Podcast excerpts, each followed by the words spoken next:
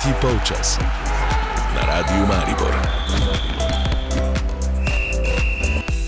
Spoštovane poslušalke, cenjeni poslušalci, dobrodošli v družbi tretjega polčasa za znako 15. november 2021. Um, skoraj bi težko bolje planirali današnji datum, končale so se namreč za Slovenijo včeraj kvalifikacije za uvrstitev na svetovno nogometno prvenstvo 2022 v Katarju.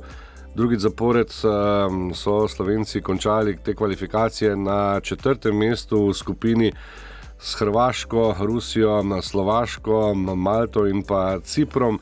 Hrvati so se včeraj z avtogolom uh, Rusov uvrstili neposredno na svetovno nogometno prvenstvo, kar se je zgodilo uh, tretjič zapored, da so se uvrstili na veliko tekmovanje, drugič zapored pa potem, ko so v zadnji tekmi klecnili Rusi. Um, no, seveda nas bo zanimalo tudi, kaj um, meni ta naša današnja gosta o slovenski uvrstitvi na četrto mesto in pa slovenskem izkupičku um, iz desetih tekem, štiri zmage, dva remija in pa štirje porazi.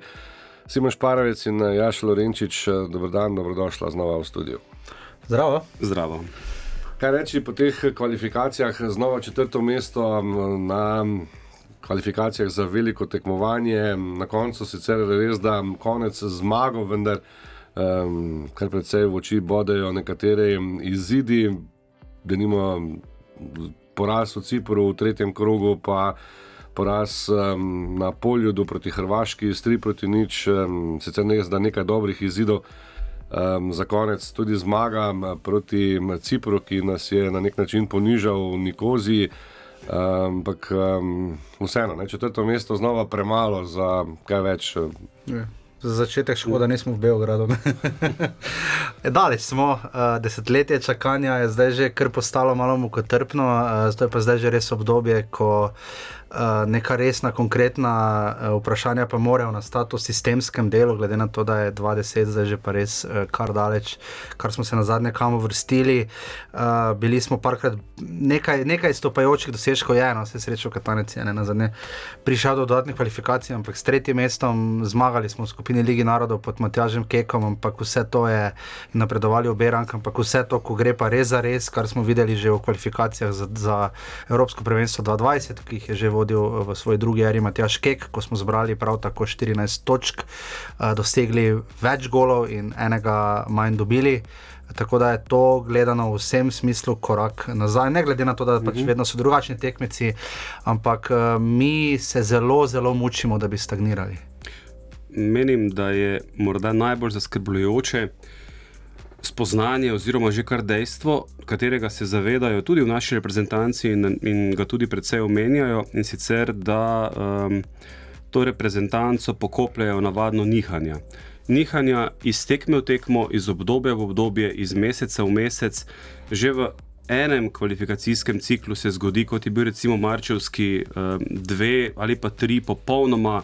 Ja. Različne podobe slovenske reprezentance, od tiste bojevite proti Hrvatom do um, tiste podpovprečne ali celo, ali celo slabe uh, v Nikoziji. Uh, in to se je potem ponavljalo praktično cele kvalifikacije, tako da razplet niti drugačen ni mogel biti, bolj skrbi pa to. Da se v reprezentanci tega zavedajo, da o tem govori tudi selektor, da na to opozarja, da verjetno je to predočeno tudi igravcem um, in da najbrž se tega zaveda tudi vodstvo nogometne zveze, Sedaj pa je vprašanje, ali vsi skupaj vedo, kaj narediti, da se to ne bo zgodilo v naslednjih kvalifikacijah ali še prej v Ligi narodov. Ja, ker trenutno ni občutka, da bi se karkoli spremenjalo. Vse selektor je včeraj bil tudi samo kritičen, njegovi medijski nastopi uh, so seveda izkušeni, so na zelo visokem nivoju, uh, s tem si je tudi morda pričaral, kupil kakorkoli nekaj miru, ki ga morda, recimo, srečo Katanec ni imel. Tukaj je manj vprašanj, zakaj nekdo pride, zakaj nekoga ni, zakaj nekdo en mesec začenja, recimo, tekmo septembra ali oktobra, pa ga že naslednji mesec sploh zraven ni. Uh, veliko je teh. Uh, Nekih vprašanj, na katere ni celovitih odgovorov. Uh, selektor si želi kontinuiranega dela, uh, želi si, uh, prej smo ravno omenjali, uh, preden smo začeli z oddajo, da je selektor tudi sam rekel, da bi si želel neke okrogle mize, pač odločiti se moramo za en sistem. Odločiti se moramo, kako bomo delali. Eden od primerov, kot je rekel moj kolega v podkastu, recimo belgijski, oni so se odločili, zveza je sodelovala z klubi, ne na zadnje, pogledamo, kje je Belgija danes, kje je bila 10-15 let nazaj. Avstrija. Uh, Avstrija, recimo, ampak oni zelo sodelujejo z klubi. Uh, če bi šlo, šli taktično konkretno gledati. Podobno je, recimo, da igra reprezentanca z enim napadalcem, tudi mislim, da čisto vseh deset klubov v prvi ligi, nihče ne igra z dvema. Ampak to je popolnoma odrezano. Eno, eno je nogometna zveza in reprezentanca, potem pa so klubi, ljudje, navijači, mediji. Pa ne pravim, da je avtomatsko spostavljeno neko neravnovesje, nek uh, konflikt med tema stranema, ampak ko vidimo, da se moramo za nekaj boriti, aha, proti Rusiji smo imeli še možnosti, ne, recimo proti Hrvatom že. Ne? V Splitu, lahko rešimo čas, glede na to, kaj se je zgodilo na Cipru, kaj se je zgodilo. Jan Oblak je povedal takšno izjavo, da smo dosegli dno dna. Ne? Ali se bomo za nekaj borili in se bomo kam vrstili, ali pa se zmenimo in hodimo samo zato, da ne bodo vsi naši domači, ki jih takrat vidimo, rekli, da, pač, da pridemo samo zato, da ne, bomo, da ne bodo rekli, da nismo prišli. Ti na te napake proti Rusiji imamo priložnost, da še ostanemo v igri poraz in to kar precej, ne bom rekel, gladek, ampak nismo bili ravno. Čeprav tista tekma v ljudskem vrtu je vendar bila vse na nek način.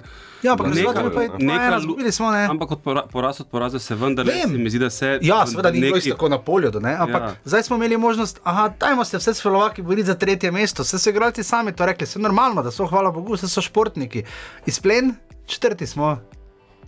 Uh, tem kontekstu bi izpostavil še eno zadevo in sicer dva najbolj zaslužla, zaslužna slovenska selektorja, tako Srečko Katanec kot uh, Matjaš Kek, ki ima takaj za pokazati iz preteklosti. Sta oba, ne bomo rekli, pogrnila na celi črti. Ampak, ne se vračati na uk. želim reči, da, da um, vsaj na papirju ali pa v teoriji boljših nimamo. Izbrali smo največ, kar ponuja slovenski nogomet, dokazano iz preteklosti pa tudi ona dva nista našla rešitve in so se jima ponavljale zelo, zelo podobne zadeve. V, v kaj bo z Iličičem, kaj bo s Kamplom, kako dobiti kapetana, koga klicati, kako se povezati z Ligo. Ja, Koliko igralcev poklicati, kam ja. jih uvrščati, in pa predvsem ta nihanja, ki smo jih omenili že prej. Ne? In tukaj se potem pojavi veliko vprašanje.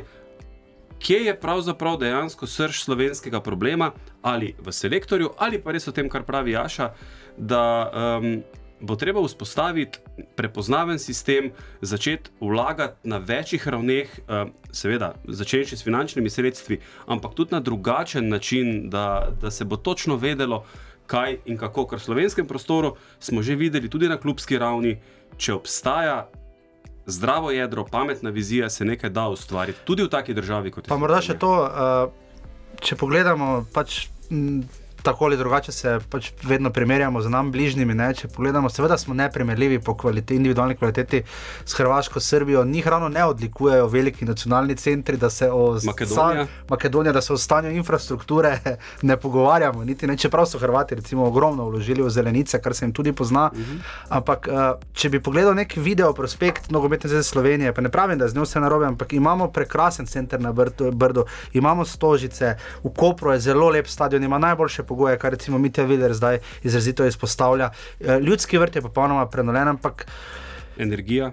Energi, potem pa eno je pogledati nek lep video, prospekt, nek, kaj lahko iztržiš, kako nekaj gledati, drugo je pa pogled na lestvico, pa na igrišče. Pač mi smo včeraj proti Cipru vsi skupaj gledali, da okay, trudili so se, da jim Slovaki tekmovati, kdo bo dal več. Na koncu so Ciprečani stali in upali na remine, to je pa naša realnost. Ampak Žal. v, v lepih poštrikanih stožicah, ja. na drugi strani smo največje uspehe v Ljubljani dosegali na razpadajočem Bežigradu. Tudi v... Maribor nima ravno idealne infrastrukture, ni ne za reprezentanco, ne za ligo prvakov. Povsem drugačno uh, infrastrukturo. Začelo se je pri vsebini, pri ljudeh, pri sistemu. Z združenimi pri... navijači, z pozivanjem. Z, z, ljudje so pač. Uh, so hiteli na tekmo iz vseh koncev. Zato sem tudi prej rekel, da je mogoče tista tekmo v Mariboru vsaj malo vrnila nekaj. Spominjala je pa vzdušje, zagotovo ja, spominjala ja. na malo boljše čase in tu zvezo. Ker včeraj v Stožicah to je bilo zopet dobro. Otroci, ne, pač se nič narobe, naj gre, se, naj gre do ne, ampak. Se niti ne moremo zameriti uh, ljudem toliko, glede na to, kaj se dogaja, pa zakaj se je borilo včeraj Slovenija. Obisk je bil spektakularen, je 5117 gledalcev v Trnavi, v četrtek jih je bilo 2700.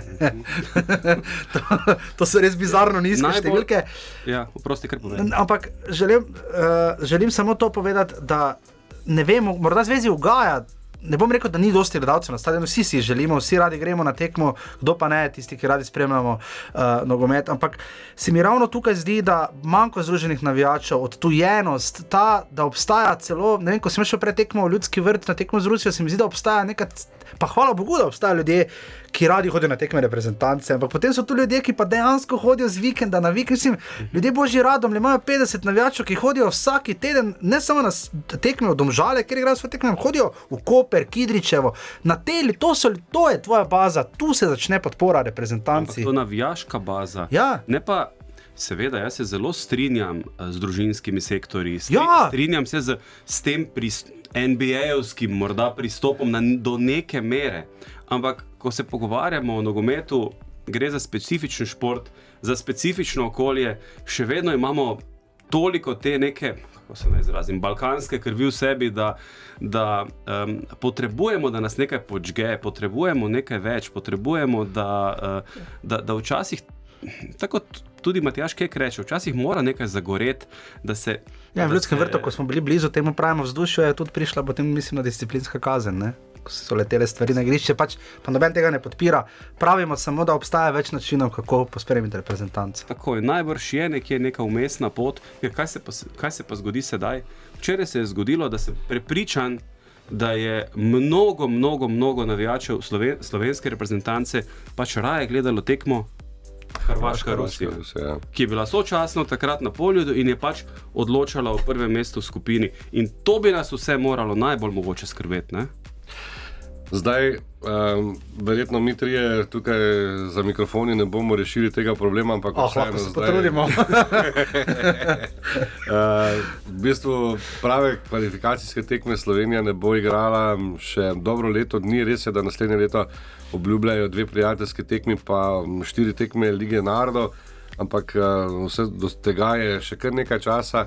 Um, Matjaš Kek, um, vse na nek način so šle, da naj bi podaljšal pogodbo z Nogometno zvezo Slovenije. Nekateri bi ga na tem mestu radi videli, nekateri pravijo, da um, po drugem neuspehu v kvalifikacijskem ciklusu um, si morda slovenska reprezentanca zasluži kaj drugega, oziroma Slovenija kot celota za koga drugega na vodilnem mestu. Kako v bistvu presekati ta gordijski vozel? Je, je kriv selektor, je kriv. Sej, o tem smo se ravno ja, ja. ne, zdi se mi predvsem, če pogledamo.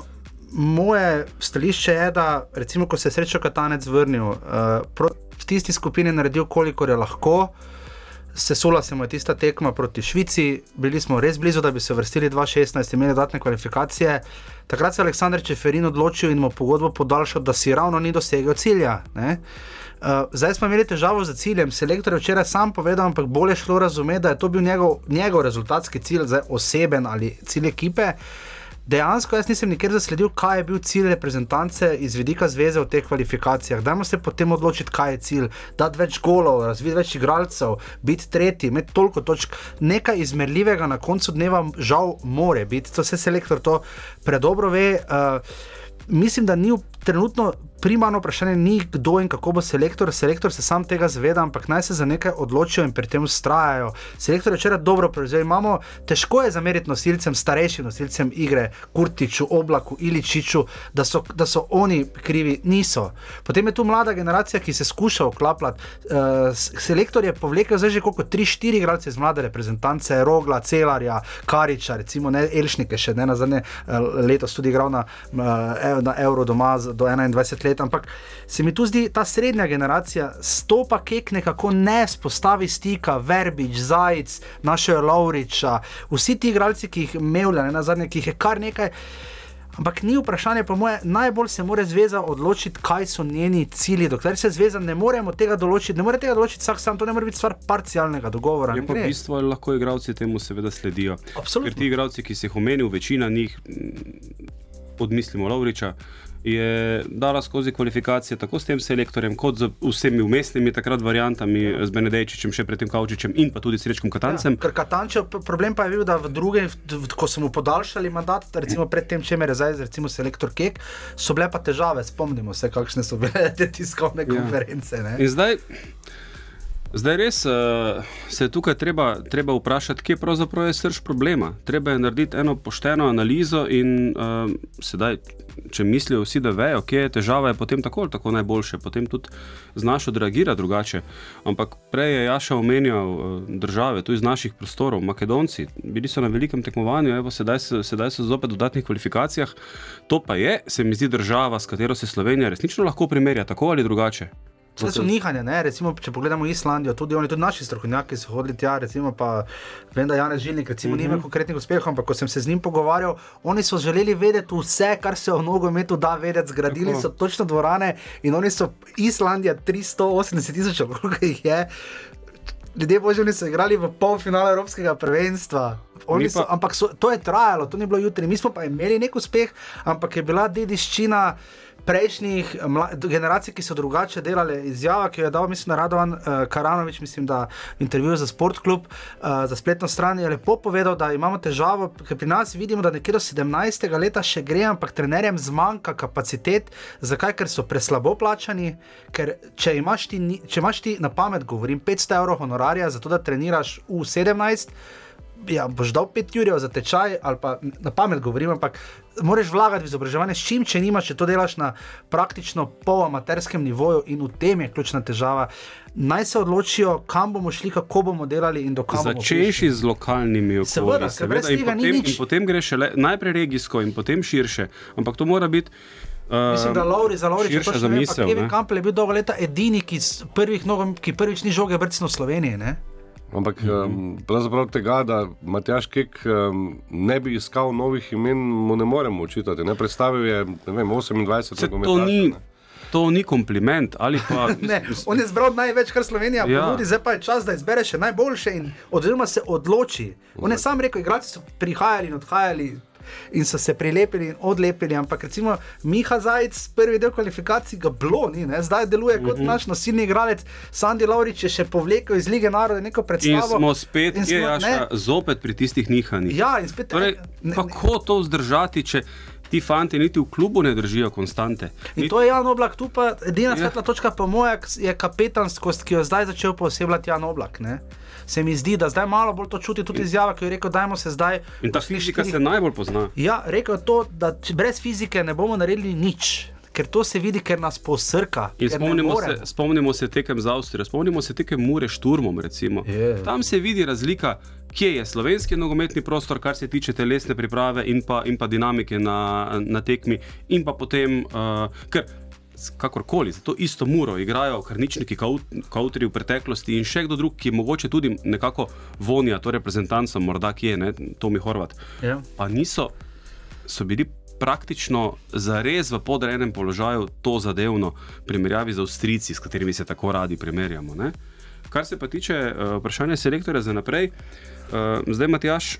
Kek je že, mislim, da dvakrat ali trikrat omenil, uh, da nadaljuje to pot tako ali drugače, kar precej uh, nedvoumno je to povedal. Ja, Uh, strani Radenka Mijatoviča tega še nismo slišali. trenutno strani Ja. predsednika slišimo zelo, zelo malo. Ne? Ja, v bistvu so se na zvezi potegnili nazaj. Ne? Zdaj, kaj to pomeni? Zelo, jaz pa- ne vem, kje mogoče bo dal kakšen intervju, mogoče pripravljen kakšne izjave, ampak zdaj kvalifikacije konec. Če bomo zdaj čakali na to, da bo povedal na zakuski nekaj slučajno tam nekje konec decembra, potem ko novinarska selekcija praviloma zadnja leta dobro igra proti strokovnemu štabu enega Maribora, ampak bomo videli, kaj bo, kaj, kaj bo povedal, ampak trenutno je na zvezi, zveza je tista, ki zadevo vodi, se se selektor ne imenuje sam. Ne? Morda pa bo v navijaški mm, zvezi ali pa v navijaškem kotičku znanega kaj več kmalo. Mi ne pot, res ne potrebujemo veliko. Imeli smo, imeli smo tako odlične temelje, dobro ligo narodov. Ja. Ne odlično, ampak dobro, pa gotovo, vrhunske temelje. Pravzaprav. Potem tista prva zmaga proti Hrvatom, vse je bilo pripravljeno za dobro nadaljevanje kvalifikacij. Celo tiste tekme v Sočiju, fantom ne moreš zameriti. Si pač izgubil na gostovanju v Rusiji, si pač izgubil, ni problema. In potem, čez dva dni, tri dni, kanal na Cipru. In tu je težava, da enostavno Fanti ne zdržijo treh Ja, tekem je zapored. selektor spoznal, da na, v treh, na treh tekmah je pre, prestrave preveč pri določenih igralcih in potem.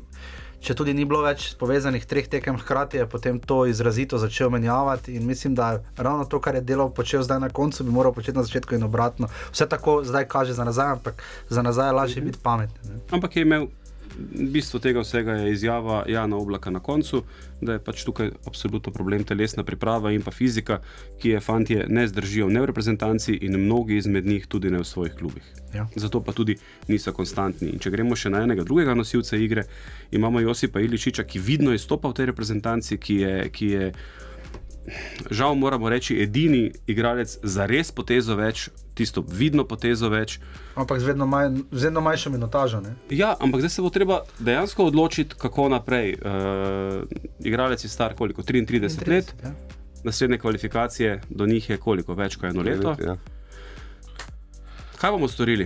Torej, v, času naslednjega, veli, v času naslednjega velikega tekmovanja bo Josip Piličič star 35-36 let in um, ne vem, treba se, bo, treba se bo dejansko odločiti, kako naprej. Zdaj, Kom naprej, predvsem. S, no. ko, s kom naprej tudi. Ne? In zdaj menjava generacij, nekako smo vmes že naredili do neke mere, zdaj zopet, ali bomo to šli postopno, kako rezati, če niti nimaš nekega velikega bazena, iskati. Vem, Hrvati iz Nemčije potegnajo tudi v mlajših selekcijah 3, 4, 5 nekih igralcev, ki imajo interes potem igrati za Hrvaško. Ne? Prej je Jašo omenil Kampla, dobro, našli smo Lovriča nekje. Ja, ampak tega uh, računati na to.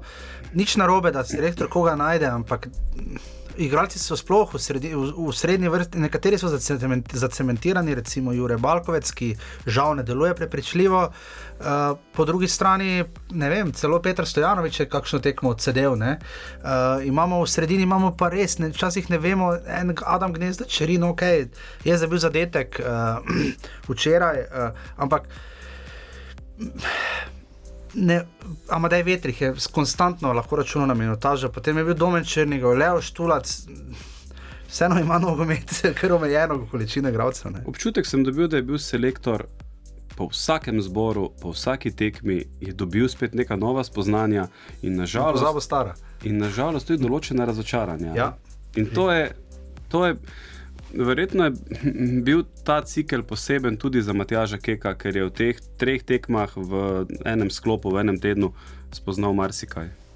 Mislim, da imamo tem še za naslednjo okroglo mizo, za kakšno urco ali dve, ampak eh, morali bomo potegniti črto po današnji tretji polčas. Eh, Jaša Lorenčič, Simon Šparavec, hvala za družbo v studiu, Matej Štafela sem bil pred mikrofonom. To je bilo vse za 15. november 2021. Tretji polčas. Na radiju Maribor.